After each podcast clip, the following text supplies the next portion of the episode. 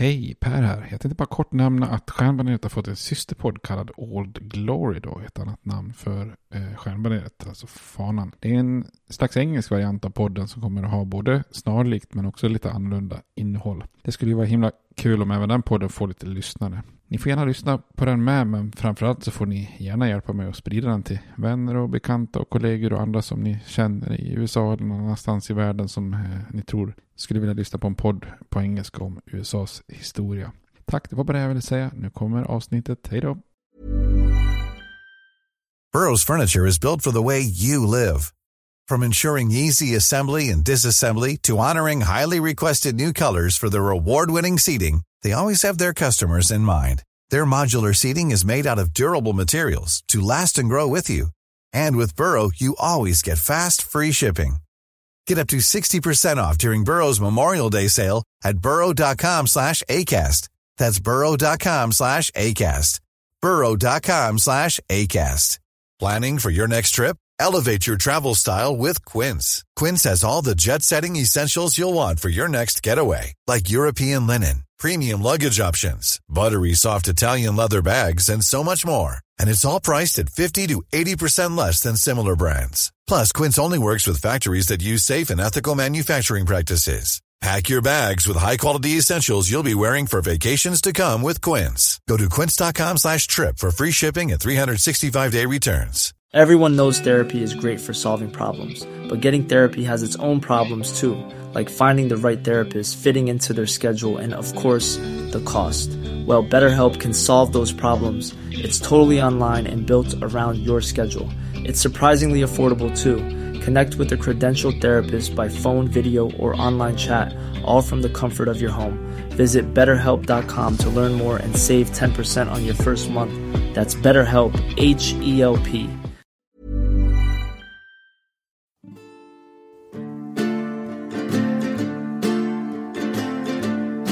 We hold these truths to be self evident that all men are created equal, that they are endowed by their Creator with certain unalienable rights, that among these are life, liberty, and the pursuit of happiness. Now we are engaged in a great civil war, testing that government of the people, by the people, for the people, shall not perish from the earth. And so, my fellow Americans, ask not what your country can do for you. Ask what you can do for your country. I have a dream. My four little children will one day live in a nation where they will not be judged by the color of their skin, but by the content of their character. Mr. Gorbachev, tear down this wall. I did not have sexual relations with that woman, Miss Lewinsky. Hej och välkomna till Stjärnbaneret, en podcast om USAs historia med mig Per Fjärdingby. Vi fortsätter serien om afroamerikansk medborgarrättskamp. Den kan ju på många sätt delas in i olika faser, där vi redan har gått igenom olika faser, men nu i dagens avsnitt går in i en ny fas kan man säga. Då. Den första fasen var ju egentligen rekonstruktionen eh, då inbördeskriget var över och södern var ockuperat militärt. Och då fanns det ju en tid med vissa ska man säga, framgångar eller ljuspunkter i form av afroamerikansk deltagande i, i politiken och röstande och så vidare. Och eh, ett republikanskt parti och så vidare i södern. Den här fasen slutar ju dock med, som vi såg då, med kompromissen 1877 och eh, att den vita makten fullständigt tar över södern då politiskt via det demokratiska partiet och ska man säga halvmilitärt och våldsamt via eh, organisationer som Ku Klux Klan och liknande. Då. Fas två, det var ju åren mellan egentligen då från rekonstruktionen 1877 fram till 1920-talets början. Under de här åren så då var ju verkligen eh, hölls ju afroamerikaner på plats mer eller mindre fullständigt med en massa verktyg som rasetikett, lynchningar, rasupplopp, eh, fånguthyrning, det här ländlis-systemet bland annat. Eh. Rösträtten var ju helt fråntagen. Eh, afroamerikaner i princip, eh, de här Jim Crow-lagarna segregerade ju samhället eh, socialt och den dominerande arbetsformen på det ekonomiska området var den här sharecropping som inte direkt gjorde någon superglad, om man säger så. Så det här var ju verkligen en ökenvandring för afroamerikaner, den här tidseran så att säga. Fas 3 det är ju då eh, från om man säger någonstans i början på 1920-talet och fram till 1955 då när den här domen kommer som vi pratade om förra gången. Brown vs. Board of Education of Topeka. Eh, och där ser man ju då under den här perioden en begynnande organisering där NAACP växer, där Marcus Garvey har sin period av svart nationalism och där det växer fram en svart arbetarrörelse med Philip Randolph i spetsen som som vinner vissa framgångar genom att till exempel hota om den här marschen mot Washington. Och där organisationen CORE bildas som genomför de här första direktaktionskampanjerna i form av sit-ins och freedom rides och sådana saker som är liksom lite grann eh, den här eh, icke-våldsprincipen då av civil olydnad. Eh, och den här eran då fram till 1905 präglas också väldigt mycket av hur NAACP då sakta men säkert bygger upp sin juridiska kompetens och driver en massa fall på olika områden och, och kronjuvelen blir det här Brown-fallet inom utbildningsområdet då.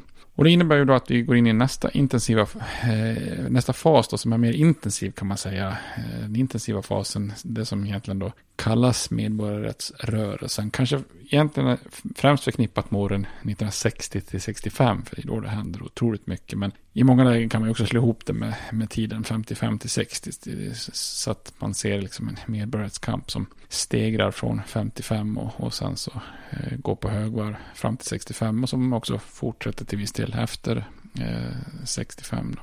Så vi tar vid där vi har varit och går in i en ny fas.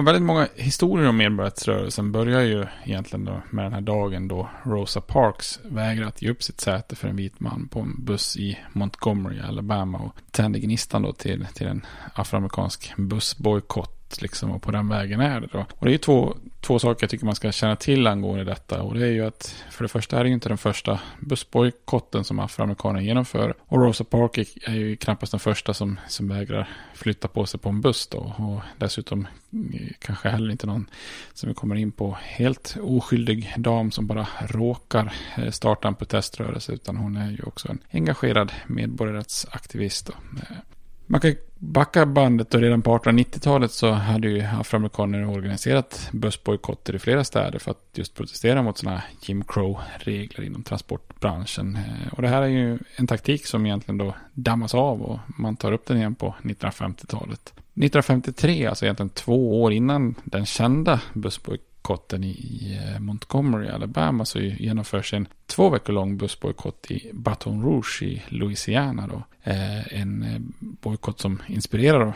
dem i Montgomery sen. Då. Organisatören där var också en baptistpastor som heter T. Jemison som tröttnade på att se svarta stå på bussar trots att det fanns lediga säten på bussens vita sektion. Eh, och den afroamerikanska befolkningen i Baton Rouge som utgjorde då 80 procent av befolkningen. De organiserar bilpooler och, och, går till jobbet och så vidare. Och den här protesten bet då. Eh, och stan går med på att göra om sina bussregler. Så då, då innebär det att första raden längst fram var fortfarande reserverad för vita och den bakersta raden i bussen var reserverad för svarta. Men för alla andra säten mitt i bussen så skulle principen först till kvarn gälla då. Eh, så det här innebär att afroamerikaner aldrig behöver stå så länge det fanns lediga säten eh, och behövde heller inte överge sina säten om bussen var full och, och vita kliver ombord. Då. Den bussbojkott som istället liksom då ska inleda medborgarrättsrörelsen på allvar och bli den kända, det är den som äger rum då i Montgomery, Alabama. Och det är lite otippat, det är kanske få som kunde gissa det innan. Eh, stan var ju knappast något liksom starkt centrum för afroamerikansk eh, politik och aktivism. Eh, Alabamas eh, huvudstad då, Montgomery, som ju faktiskt, kan man ju påminna om, var sydstaternas eller konfederationens första huvudstad där. Det, det är ju så att det bara är sju stater som bryter sig loss efter valet av Abraham Lincoln 1860-61. Eh, och det, då kör man ju Montgomery som huvudstad. Sen när Virginia ansluter sig så flyttar man huvudstaden till Richmond. Då. Men eh, Montgomery då med sina 100 000 invånare hade eh, visserligen då ingen stark tradition. Men de hade ändå några ledare som ska visa sig vara väldigt duktiga på att mobilisera och, och organisera en proteströrelse. Förutom ett antal kyrkor och två svarta colleges så fanns det en del sociala organisationer på plats. Och en av de viktigaste ledarna det var ju Edgar Daniel Nixon. Eh, Nixon var ordförande i den lokala NAACP-grenen. Eh, och han var ordförande i någonting som kallas för Montgomery Welfare League. Och ledare för det lokala facket och Brotherhood of Sleeping Car Porters. Alltså det som eh, vi pratade om tidigare. Det första liksom, svarta fackförbundet på allvar så att säga. Redan 1943 hade Nixon dessutom skapat Montgomery Voters League för att just hjälpa afroamerikanska väljare genom den. Eh, alltså processen att registrera sig som väljare som för svarta här i Montgomery var krånglig och farlig och, och svår på alla sätt och vis. Att den här organisationen hjälper då till det. I Montgomery fanns också ett antal viktiga kvinnliga aktivister som organiserade sig i något som kallas för Women's Political Council, WPC. Det här ordförande vid den här tiden var Joanne Robinson, då, en engelska professor vid ett, ett av de svarta collegen i stan. Eh, och de här aktivisterna hade planerat och organiserat aktioner i flera år innan själva bussbojkotten ägde rum.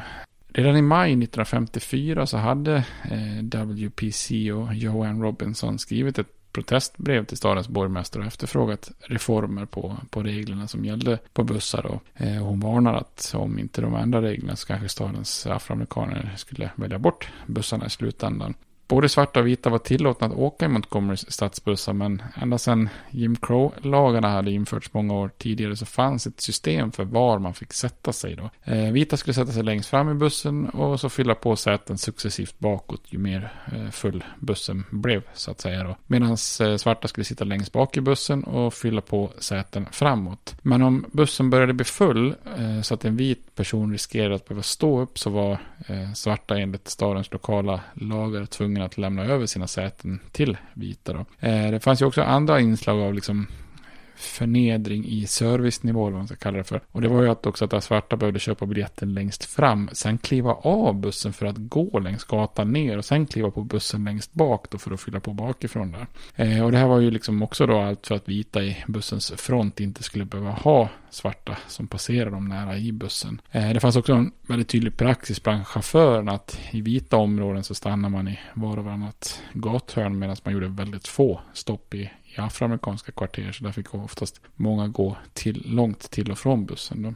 Borgmästaren i Montgomery vägrade emellertid att lyssna på Johan Robinsons petition och några regler förändras inte då. Eh, men bakom kulisserna höll de här organisationerna eh, och lite afroamerikanska advokater och ledare på att börja planera för en bojkott. Eh, det som gäller är ju bara att hitta ett bra eller rätt eller lämpligt fall som kunde tända gnistan då i ena stadens afroamerikaner. Rosa Parks, som ju blir gnistan, var inte den första att vägra följa reglerna på bussen i Montgomery under just 1955. Den 2 mars eh, samma år arresteras en 15-årig svart flicka vid namn Claudette Colvin för att ha vägrat ge upp sitt säte till en vit man på bussen. Eh, Rosa, Rosa Parks var faktiskt med och samlade ihop pengar för hennes försvar bland annat. Och de afroamerikanska ledarna i staden de funderar på det här fallet men sen väljer de då att inte använda hennes fall. Och orsaken var att hon var ogift och gravid. Hade dessutom svurit och levt runt mot både busschauffören och polisen. Så många menar att hon inte liksom agerat på ett sätt som fungerade som en bra symbolik för att bygga en proteströrelse kring. Det var inte direkt något icke-våld utan hon hade reagerat ganska häftigt. Då. I oktober 1955 arresteras ytterligare en kvinna för att hon inte gett upp sitt säte, då Mary Louise Smith. Men hon var eh, en ganska fattig kvinna, ansågs inte heller lämplig för att lyfta fram liksom då, symboliken för en proteströrelse. Men så i december 1955 så arresteras Rosa Parks och de lokala ledarna inser direkt att nu har vi hittat ett lämpligt fall. Då. Och ibland är det ju så, det beskrivs lite grann som att Rosa Parks bara var en vanlig svart kvinna som efter en hård dags arbete spontant bara eh, eh, får bägaren att rinna över och vägrar lämna sitt säte och att hon bara liksom då råkade bli indragen i en slags medborgarrättsrörelse. Och på ett sätt är det ju naturligtvis sant och hon var ju på väg hem trött från ett arbetspass då. Men man ska ju veta att Rosa Parks var ju också en hängiven aktivist som hade tydliga kopplingar till lokala ledare och organisationer som planerade den här bussbojkotten. Hon hade gått med i stadens lokala gren av NAACP redan 1943. Eh, och den dagen hon ställde till med bekymmer på bussen så hade hon till och med varit sekreterare i organisationen i, i flera år eh, under då ledning av Edgar Nixon. Eh, hennes jobb som sömmerska eh, krävde heller inte heltid och då jobbade hon även deltid som sömmerska och hushållerska hos ett ganska liberalt vitt par som också uppmuntrar hennes aktivism. Så bara fyra dagar innan hon arresteras så deltar hon på ett massmöte för att protestera till exempel mot mordet på Emmett Till som vi kommer att komma till snart då i nästa avsnitt. Eh, och det var det här vita paret som också hade finansierat hennes eh, deltagande och resa till det här protestmötet. Mot bakgrund av hur lokala ledare hade planerat för en bussbojkott och Rosa Parks egna engagemang eh, så är det lite för bra historia för att vara sant att det bara var ett väldigt spontant oplanerat infall som, som får henne att resa sig den här dagen. Det, det är ju icke desto mindre en väldigt viktig händelse då. Så vi kan ju fundera lite grann på hur den gick till också.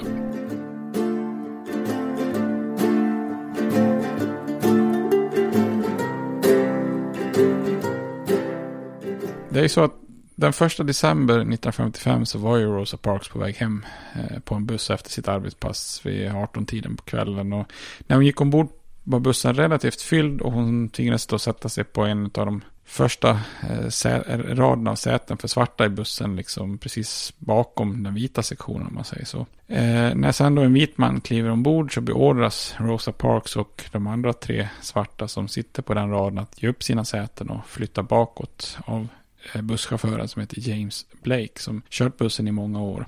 Och det, det är lite roliga i sammanhanget, eller roliga, men eh, lite otroliga kanske man ska säga, var att det inte första gången som den här chauffören Blake hade problem med, med Rosa Parks. För tolv år senare hade han, eller tolv år tidigare hade han kastat av Rosa Parks från en buss när hon satte sig på den vita sektionen. Men det verkar som att han inte kände igen henne nu, tolv år senare, att det var samma, samma person som hade skapat lite trubbel då och då.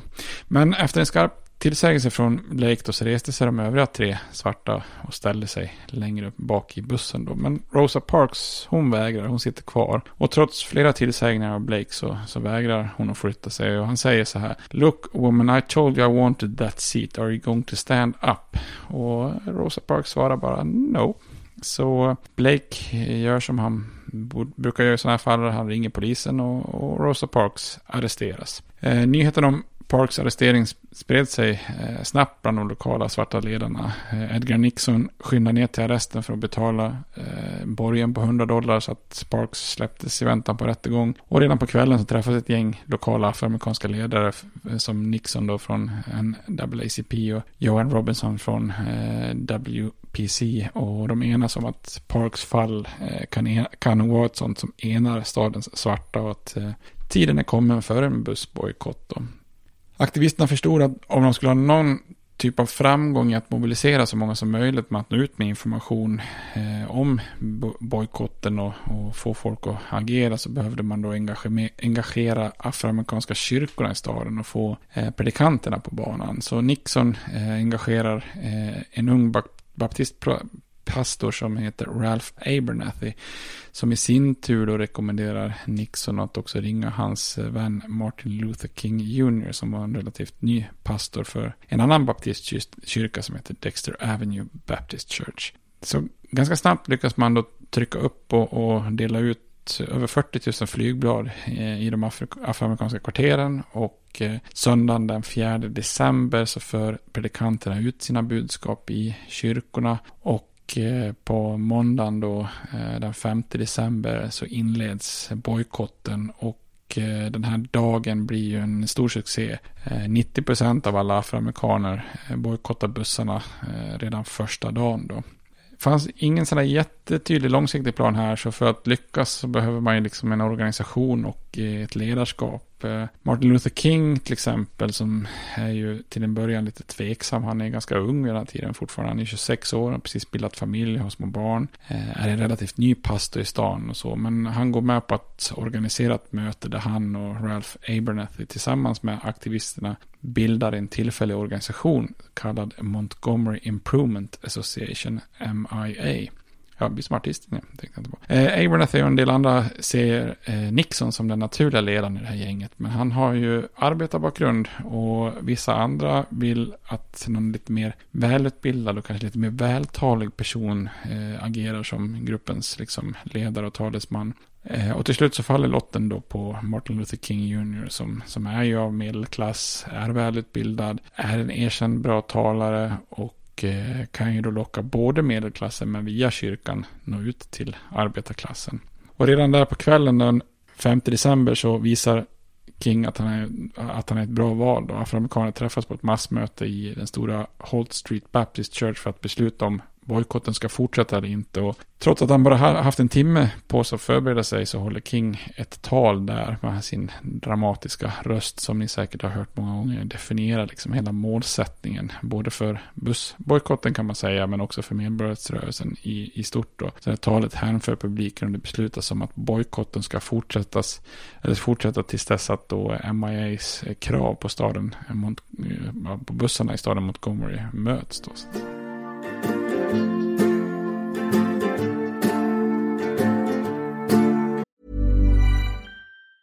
Hey, it's Danny Pellegrino from Everything Iconic. Ready to upgrade your style game without blowing your budget? Check out Quince. They've got all the good stuff shirts and polos, activewear, and fine leather goods, all at 50 to 80% less than other high end brands. And the best part? They're all about safe, ethical, and responsible manufacturing. Get that luxury vibe without the luxury price tag. Hit up quince.com slash upgrade for free shipping and 365 day returns on your next order. That's quince.com slash upgrade. Everyone knows therapy is great for solving problems, but getting therapy has its own problems too, like finding the right therapist, fitting into their schedule, and of course, the cost. Well, BetterHelp can solve those problems. It's totally online and built around your schedule. It's surprisingly affordable too. Connect with a credentialed therapist by phone, video, or online chat, all from the comfort of your home. Visit betterhelp.com to learn more and save 10% on your first month. That's BetterHelp H E L P.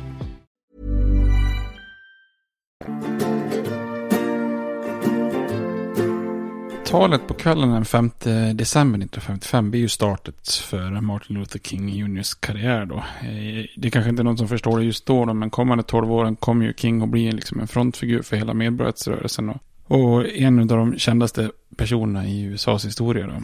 King föddes 1929 i Atlanta i en medelklassfamilj som jämfört med många andra afroamerikanska familjer hade en relativt god ekonomi och levnadsstandard. Det är därför inte så konstigt heller att King då skulle utbilda sig och tillhöra en välinformerad medelklass av svarta pastorer och lärare och jurister och doktorer. Då.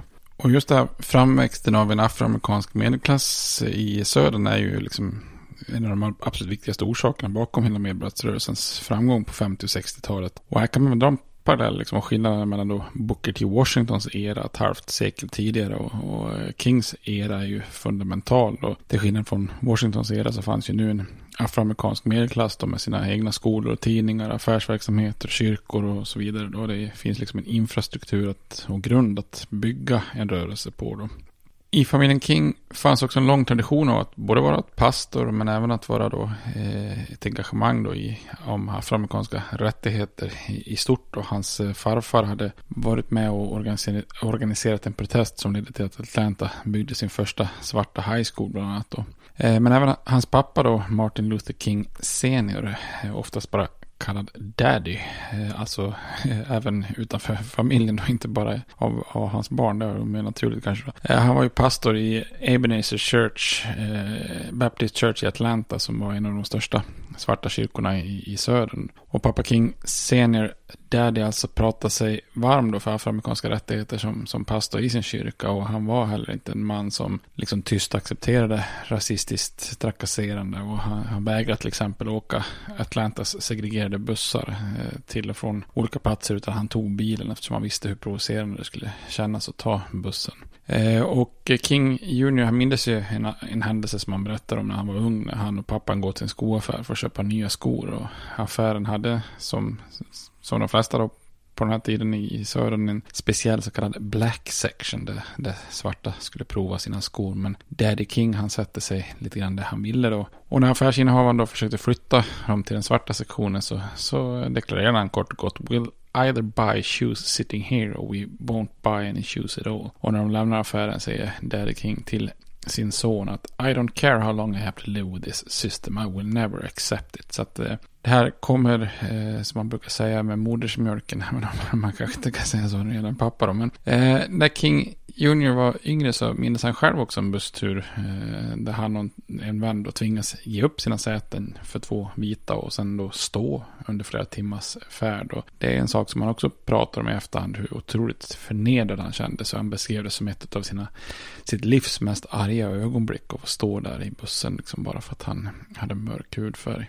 Martin Luther King är duktig i skolan och han läser teologi först i Pennsylvania och sen vid Boston University och det är i Boston som han träffar sin blivande fru Coretta Scott som var en konsertsångerska och 1953 så gifter de sig. När King är 25 år hade han då examinerats som doktor i teologi på eh, Boston University och samma år så flyttade han och frun då som nu heter Coretta Scott King till just Montgomery i Alabama där han tar jobbet som baptistpastor i Dexter Avenue Baptist Church då, vilket var lite av en besvikelse hos pappan som hade hoppats att han skulle ta över hans stora kyrka i Atlanta. Men, eh, men Martin Luther King Jr. ville känna att han kunde stå på egna ben kan man säga. På plats i Montgomery så är det många som tar notis av den här nyinflyttade och vältaliga och välutbildade unga pastorn och de ledande aktivisterna försöker få med King i kampen för medborgerliga rättigheter. King går mycket riktigt med i den lokala grenen av NAACP och blir också invald i en form av exekutiv kommitté där han bland annat får information från och träffar Rosa Parks. Då. Eh, han erbjuds också ta upp, över jobbet som ordförande men avböjer med motiveringen att jobbet i kyrkan tar dels mycket tid och sen att han har nyfödda barn och en familj att tänka på så han, han känner att han inte riktigt eh, kan med det här. Men när King 1955 då till slut accepterar ändå ledarskapet för den här tillfälliga bussbojkottorganisationen MIA då så blir, blir det här hans första riktiga steg som aktivist och eh, ledare för medborgarrättsrörelsen. Talet på kvällen där den 5 december i Holt Street Baptist Church var Kings första stora tal och han visar direkt upp sin, sina bästa sidor. Då, så att säga. Eh, mötet blev ju som ett väcke, väckelsemöte och, och, och, King han passar liksom perfekt i den här miljön. Han är ju då väldigt begåvad talare och hade en väldigt bra förmåga att liksom ingjuta mod i folk och få dem att förstå vikten av att liksom hålla en hög moral även om de pressas i olika situationer. Eh, och han har ju en förmåga att på ett väldigt mästerligt sätt kombinera saker som, som bli framgångsrika medborgarrörelsen. Alltså både kombinera Gandhis icke-våldsprinciper med kristna budskap som naturligtvis kommer naturligt från honom. Men också med de amerikanska demokratiska värdena och han får ihop det här på ett bra sätt i sina tal och så. Eh, och hans sätt att tala tilltalar ju också en bred eh, afroamerikansk kultur men också väldigt många liberala och moderata vita då. Eh, så att här är det ju så att inte sen Booker T. Washingtons dagar, han hade ju också tilltalat många vita liberala. Eh, men inte sedan hans dagar hade det ju funnits någon svart ledare som, som tilltalade en så pass bred massa som eh, Martin Luther King.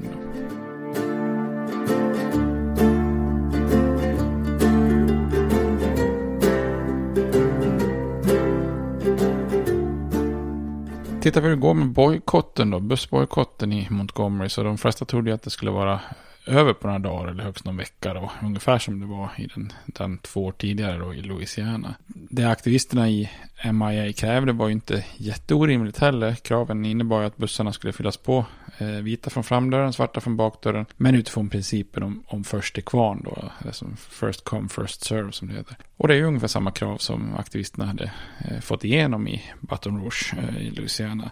Men de styrande i, i Montgomery, stadens styre, de vägrar väldigt hårdnackat. Eh, eh alla stadskommissionärer gick med i en nybildad organisation på, på motståndarsidan som kallas White Citizens Council, WCC. WC som hade som mål att använda alla legala medel för att hindra då att eh, en desegregering, alltså att man vill hålla fast vid de segregerade eh, principerna där. Och tillsammans med lokala eh, klanen då, Kukusklan, så hade stadens vita bestämt sig för att nej, eh, så här får det inte vara. Vi strider till slutet för att bevara vit makt. Men MIA och stadens afroamerikanska befolkning de var redo att strida för sina rättigheter. Eh, så den här Eh, WWC's. Och stadens vägran att eh, ens godta liksom rimliga principer, det gör att MIA eh, får upp stridslistan. Så de överger sina moderata krav och kräver istället fullständig desegregering av stadens transportsystem. Så då har vi ju två sidor som liksom absolut inte kan mötas på hälften, utan eh, några vill ha en fullständig förändring, några vill inte ha en förändring överhuvudtaget. Då. Eh, följden blir då att den här bussbojkotten blir eh, lång, eh, mycket lång. Eh, den varar över ett år för att vara Eh, helt exakt så svarar den 381 dagar. Och istället för bussar så väljer då afroamerikaner att gå eller att organisera bilpooler. Eh, vissa gick så långt som ett par mil om dagen fram och tillbaka till jobbet. Eh, och en bilpool organiserades som bestod av över 200 fordon. Eh, och utan den här bilpoolen så, så skulle inte det hela fungera. Det fanns ingen möjlighet att lösa transporten annars då. Så de som har bil ställer upp. Det finns också frivilliga chaufförer som hjälper till. Ibland helt enkelt arbetsgivare som var beroende av sina arbetare som, som åker och hämtar dem liksom för att eh, få hålla igång sin verksamhet. Eh, sen på kvällarna så samlas man då i kyrkorna för massmöten där man eh, uppmanar varandra och hejar på varandra och supportar varandra. En väldigt viktig del i den här protesten är ju kvinnor. Eh, kvinnor är ju majoritet bland bussåkare och, och de gör en enorm insats genom alla sina promenader till och från jobb eh, år ut och, eller år, vecka ut och vecka in. Det är också väldigt många kvinnor som bakar, knackar dörr för att samla in pengar till protesten och så vidare. Och, och flera av de här kvinnliga ledarna gör ett väldigt gott jobb med eh, till exempel då eh, Johan Robinson som tar på sig uppdraget att ansvara för MIAs nyhetsbrev. Polisen i Montgomery trakasserar afroamerikaner som, som var delaktiga i bojkotten. Eh, King själv arresteras och satt några timmar i arresten för en trafikförseelse efter att han personligen gett några aktivister lift. Då. Men det händer också lite mer allvarliga saker. Då. En bomb exploderar både utanför Kings hus och utanför Dixons eh, hus. Eller Nixons hus, men eh, ingen skadas då.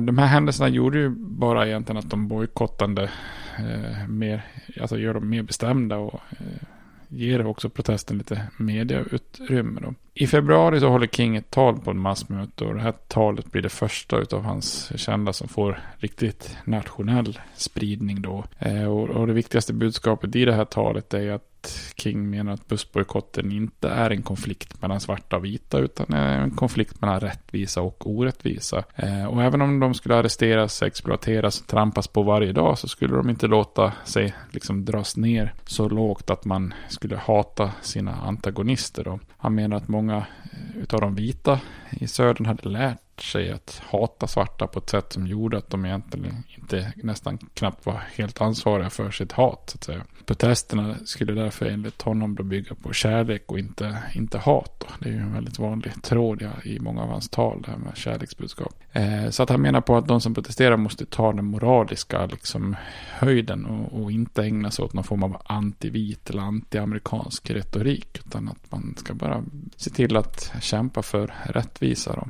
Bojkotten får ju följder. Stadens bussbolag blödde ekonomiskt eftersom afroamerikaner utgjorde en väldigt stor del av kundbasen så tappar företaget ungefär 65 procent av sina intäkter. Eh, det gör att man tvingas dra ner på antalet linjer och minska antalet chaufförer, sänka priserna och så vidare. Men bolaget kunde inte gärna bryta mot reglerna som stiftas av den stad som gett dem transportuppdraget. Så de sitter lite fast i en rävsax här bussbolaget. För de kan inte liksom ändra reglerna för vad som gäller. Eh, och de styrande i staden de vägrar ge efter. De vill inte ens gå med på den här principen om först till kvar. Eh, två och en halv månad in i bojkotten börjar stan bli lite desperat och ta till hårdhandskarna. Så eh, King och runt hundra ledare arresteras och anklagas för en konspiration mot bussystemet. Men, ja det är ett konstigt brott, men det, ja, det också stämmer ju. Eh, men rörelsen i Montgomery hade vid, den här, vid det här laget börjat också få hjälp utifrån när många märker att det här är en strid man ska ta. Då. Eh, många i nordstaterna hade hoppats på att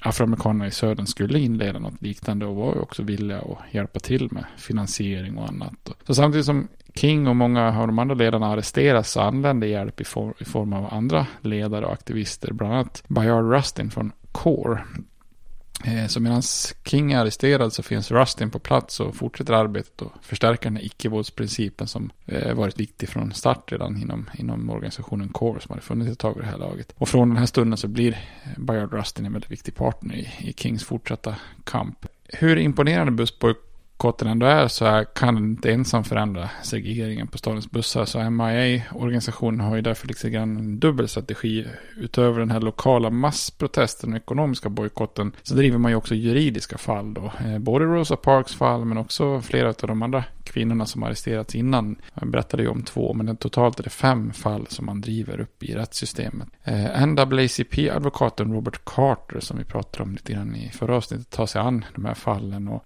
man argumenterar att Montgomerys segregering av bussar var emot konstitutionen i, i ljuset just av Högsta domstolens beslut i Brown-fallet. En lokal federal domar, domstol dömer två mot en att Montgomery inte kan segregera bussar, men stan överklagar ju domen då. Och juridiska processer tar ju lång tid och när bussbojkotten börjar närma sig ettårsjubileet så har ju börjat många av Eh, ledarna och stadens befolkning misströstar. Till och med King själv börjar fundera på om, det eh, är på, om de är på väg att förlora kampen. Eh, och när delstatens domstolar ser ut att kunna förklara bojkottens bilpool som illegal så ser det ju nästan ut som att hoppet är ute för att kan man inte hålla den här bilpoolen igång då skulle bojkotten i princip rasa samman. Då. Men den 13 november 1956 så vinner man en jättestor seger och när rättsfallet till slut, eller rätts, rättsfallen till slut har tagits upp av högsta domstolen då. Och i fallet Gale vs Brown dömer domstolen eh, Montgomerys segregering av bussar som ett, eh,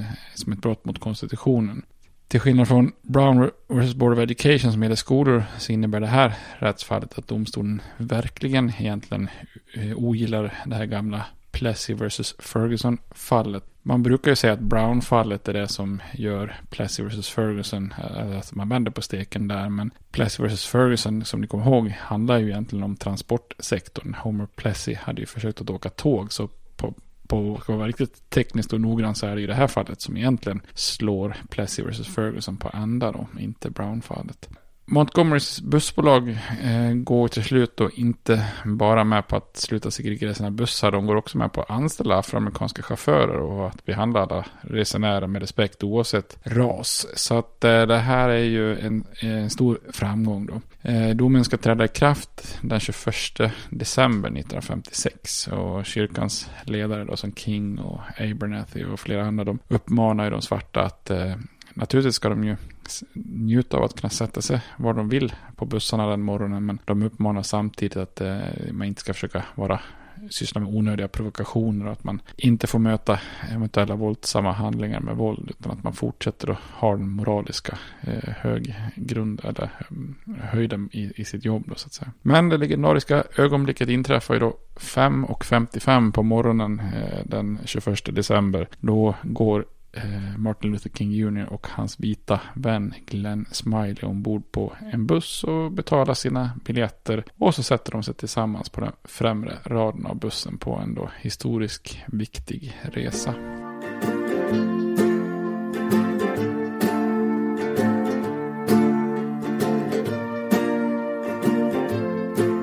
Bussbojkotten var ju en stor seger för afroamerikaner och ur protesten så hade ju medborgarrättsrörelsens främsta ledare klivit fram då i Martin Luther King. Jag slutar säga junior, det är så tramsigt tycker jag. Men eh, verktyget som de använt då, icke-våldsprotester som eh, organisationen CORE tidigare varit pionjär för, hade ju nu visat sig vara ett effektivt vapen då. Eh, en eh, välorganiserad protest hade ju visat sig vara möjlig att genomföra i södern då. Sen finns det lite smolk i bägaren också, den här enigheten mellan de lokala ledarna i MIA då eh, och juristerna i NAACP skulle snart byta, eller bytas ut mot lite splittring och konflikt. Så att det här MIA då, alltså Montgomery Improvement Association, splittras snabbt efter oenighet mellan King och Nixon. Då. Eh, NAACP med Roy Wilkins i spetsen ansåg också att King tog på sig all ära och att deras, det var egentligen deras legala jobb som bidragit eh, till den slutliga segern och att det jobbet inte fick tillräckligt stor uppmärksamhet. Eh, King han blir ju irriterad istället på NAACP menar att de här legala processerna eh, är ett alldeles för konservativt verktyg som, som inte leder någon vart om det inte liksom är så att man sätter fokusen på den här icke-våldsamma civila olydnaden som enligt King då eh, kan skapa massrörelser och vägen framåt för att bekämpa segregering liksom lite mer direkt än vad legala processer någon någonsin skulle kunna bidra med. Då. Eh, och så den här gemenskapen som medelklassen och arbetarklassen visat upp i Montgomerys bussbojkott och det här samarbetet som ledarna för, ledarna för olika organisationer visas, visar upp då i samband med bussbojkotten ska ju när vi kommer vidare visa sig vara nästan mer av ett undantag än en regel i många fall under de här protesterna. King och hans mest förtroende ville ju inte tappa den här energin och kampviljan som bussbojkotten skapat. Och en av Kings närmaste parter blir ju den här veteranen Bayard Rustin som hade åkt till Montgomery under bojkotten för att hjälpa King. Och eh, flera andra svarta ledare, särskilt inom kyrkan, eh, de är rätt skeptiska till Rustin som då är öppet eh, homosexuell. Men King och Rustin var ett bra team och Rustin övertalar King att fortsätta med den här principen om icke-våld i den fortsatta kampen. Rustin såg ju också till att King kom i kontakt med viktiga aktivister i New York, alltså utanför södern, speciellt den liberala judiska advokaten Stanley Levison. Eh, och Levison skulle liksom bakom kulisserna bidra med mycket finansiellt och juridiskt stöd. Han spökskriver också vissa av Kings tal och skrifter. Så med stöd från de här New York-aktivisterna så grundar King i januari 1957 sin egen medborgarrättsorganisation som då får namnet Southern Christian Leadership Conference, SCLC. Eh, några av de ledande grundarna var ju förutom King själv då predikanten Ralph Abernathy, hans eh, lokala predikantkompanjon då. Eh, men också Fred Shuttleworth som vi kommer komma tillbaka till flera gånger och Bayard Rustin. Och man hade sitt högkvarter i Atlanta i Georgia men, men därifrån så rycker man ut och stödjer olika lokala protester i södern. Organisationen tog till sig den här icke-våldsfilosofin och mottot var Not one hair or one head or one person should be harmed. Är liksom ett motto då den här hjälpen som King får från Rustin och Levison, de kommer också eh, få lite eh, baksidor också för båda personerna är förknippade med kommunister och mer radikala vänstergrupper eh, tidigare då. Och det här gör att FBI ganska tidigt får upp ögonen för Martin Luther King då. Och FBIs chef J. Edward, Ed, J. Edgar Hoover hade ju länge varit liksom nästan intill besatt av afroamerikanska ledare och organisationer. Eh, och Hoover han utvecklar ett enormt hat mot King eh, och kallar honom till och med för den farligaste mannen i USA vid ett tillfälle. Eh, han pressar anställda inom FBI att försöka bevisa att King är kommunist eh, och en del av någon slags Moskvaled konspiration. Då det här är ju de här dagarna när kalla kriget skapar den här konstiga kommunistskräcken. Då. Man börjar bugga hans telefon och hotellrum och, och sen så till slut så börjar man också ägna sig åt eh, att hota King att, avsluta, att avslöja honom eh, eller hans utomäktenskapliga affärer som han har då eh, och försöker nästan få honom att begå självmord. Om, om han inte begår självmord så ska de då avslöja honom, vilket ju också är det de gör till slut. Så hans fru får reda på det här, alltså Coretta Scott. De vägrar ju också att informera King om tänkbara hot mot hans liv som han upptäcker, utan det, det, det, är, liksom, det är fritt fram. Liksom.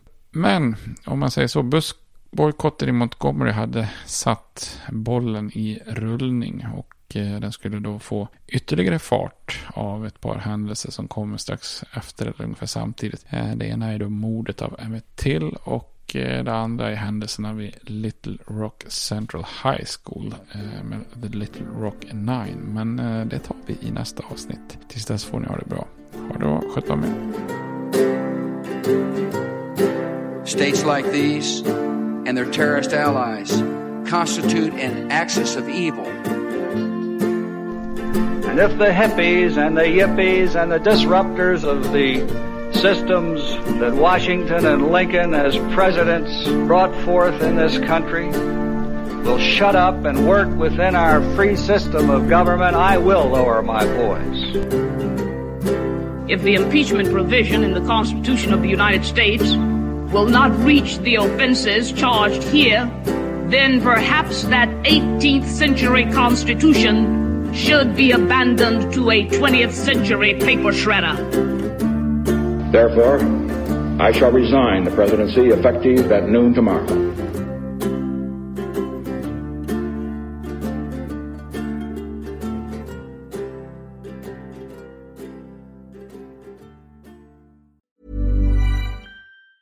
Planning for your next trip? Elevate your travel style with Quince. Quince has all the jet setting essentials you'll want for your next getaway, like European linen premium luggage options, buttery soft Italian leather bags, and so much more. And it's all priced at 50 to 80% less than similar brands. Plus, Quince only works with factories that use safe and ethical manufacturing practices. Pack your bags with high-quality essentials you'll be wearing for vacations to come with Quince. Go to quince.com slash trip for free shipping and 365-day returns. Confidence starts with loving who you are. And when your skin feels nourished and glows on the outside, you naturally radiate confidence from the inside. Give your skin a glow up with Osea's clinically proven Mega Moisture Duo. This ultra hydrating body care features two of Osea's best sellers, Undaria Algae Body Oil and Undaria Collagen Body Lotion. These seaweed powered heroes use skincare level ingredients normally reserved for your face for results you can see and confidence you can feel. Osea has been making clean, clinically proven seaweed infused face and body care products for over 28 years. This luxurious skincare is vegan, cruelty free, and climate neutral certified, so you never have to choose between your values and your best skin. Glow from the inside out. Get 10% off your first order with code GLOW at OseaMalibu.com. That's O S E A Malibu.com code GLOW.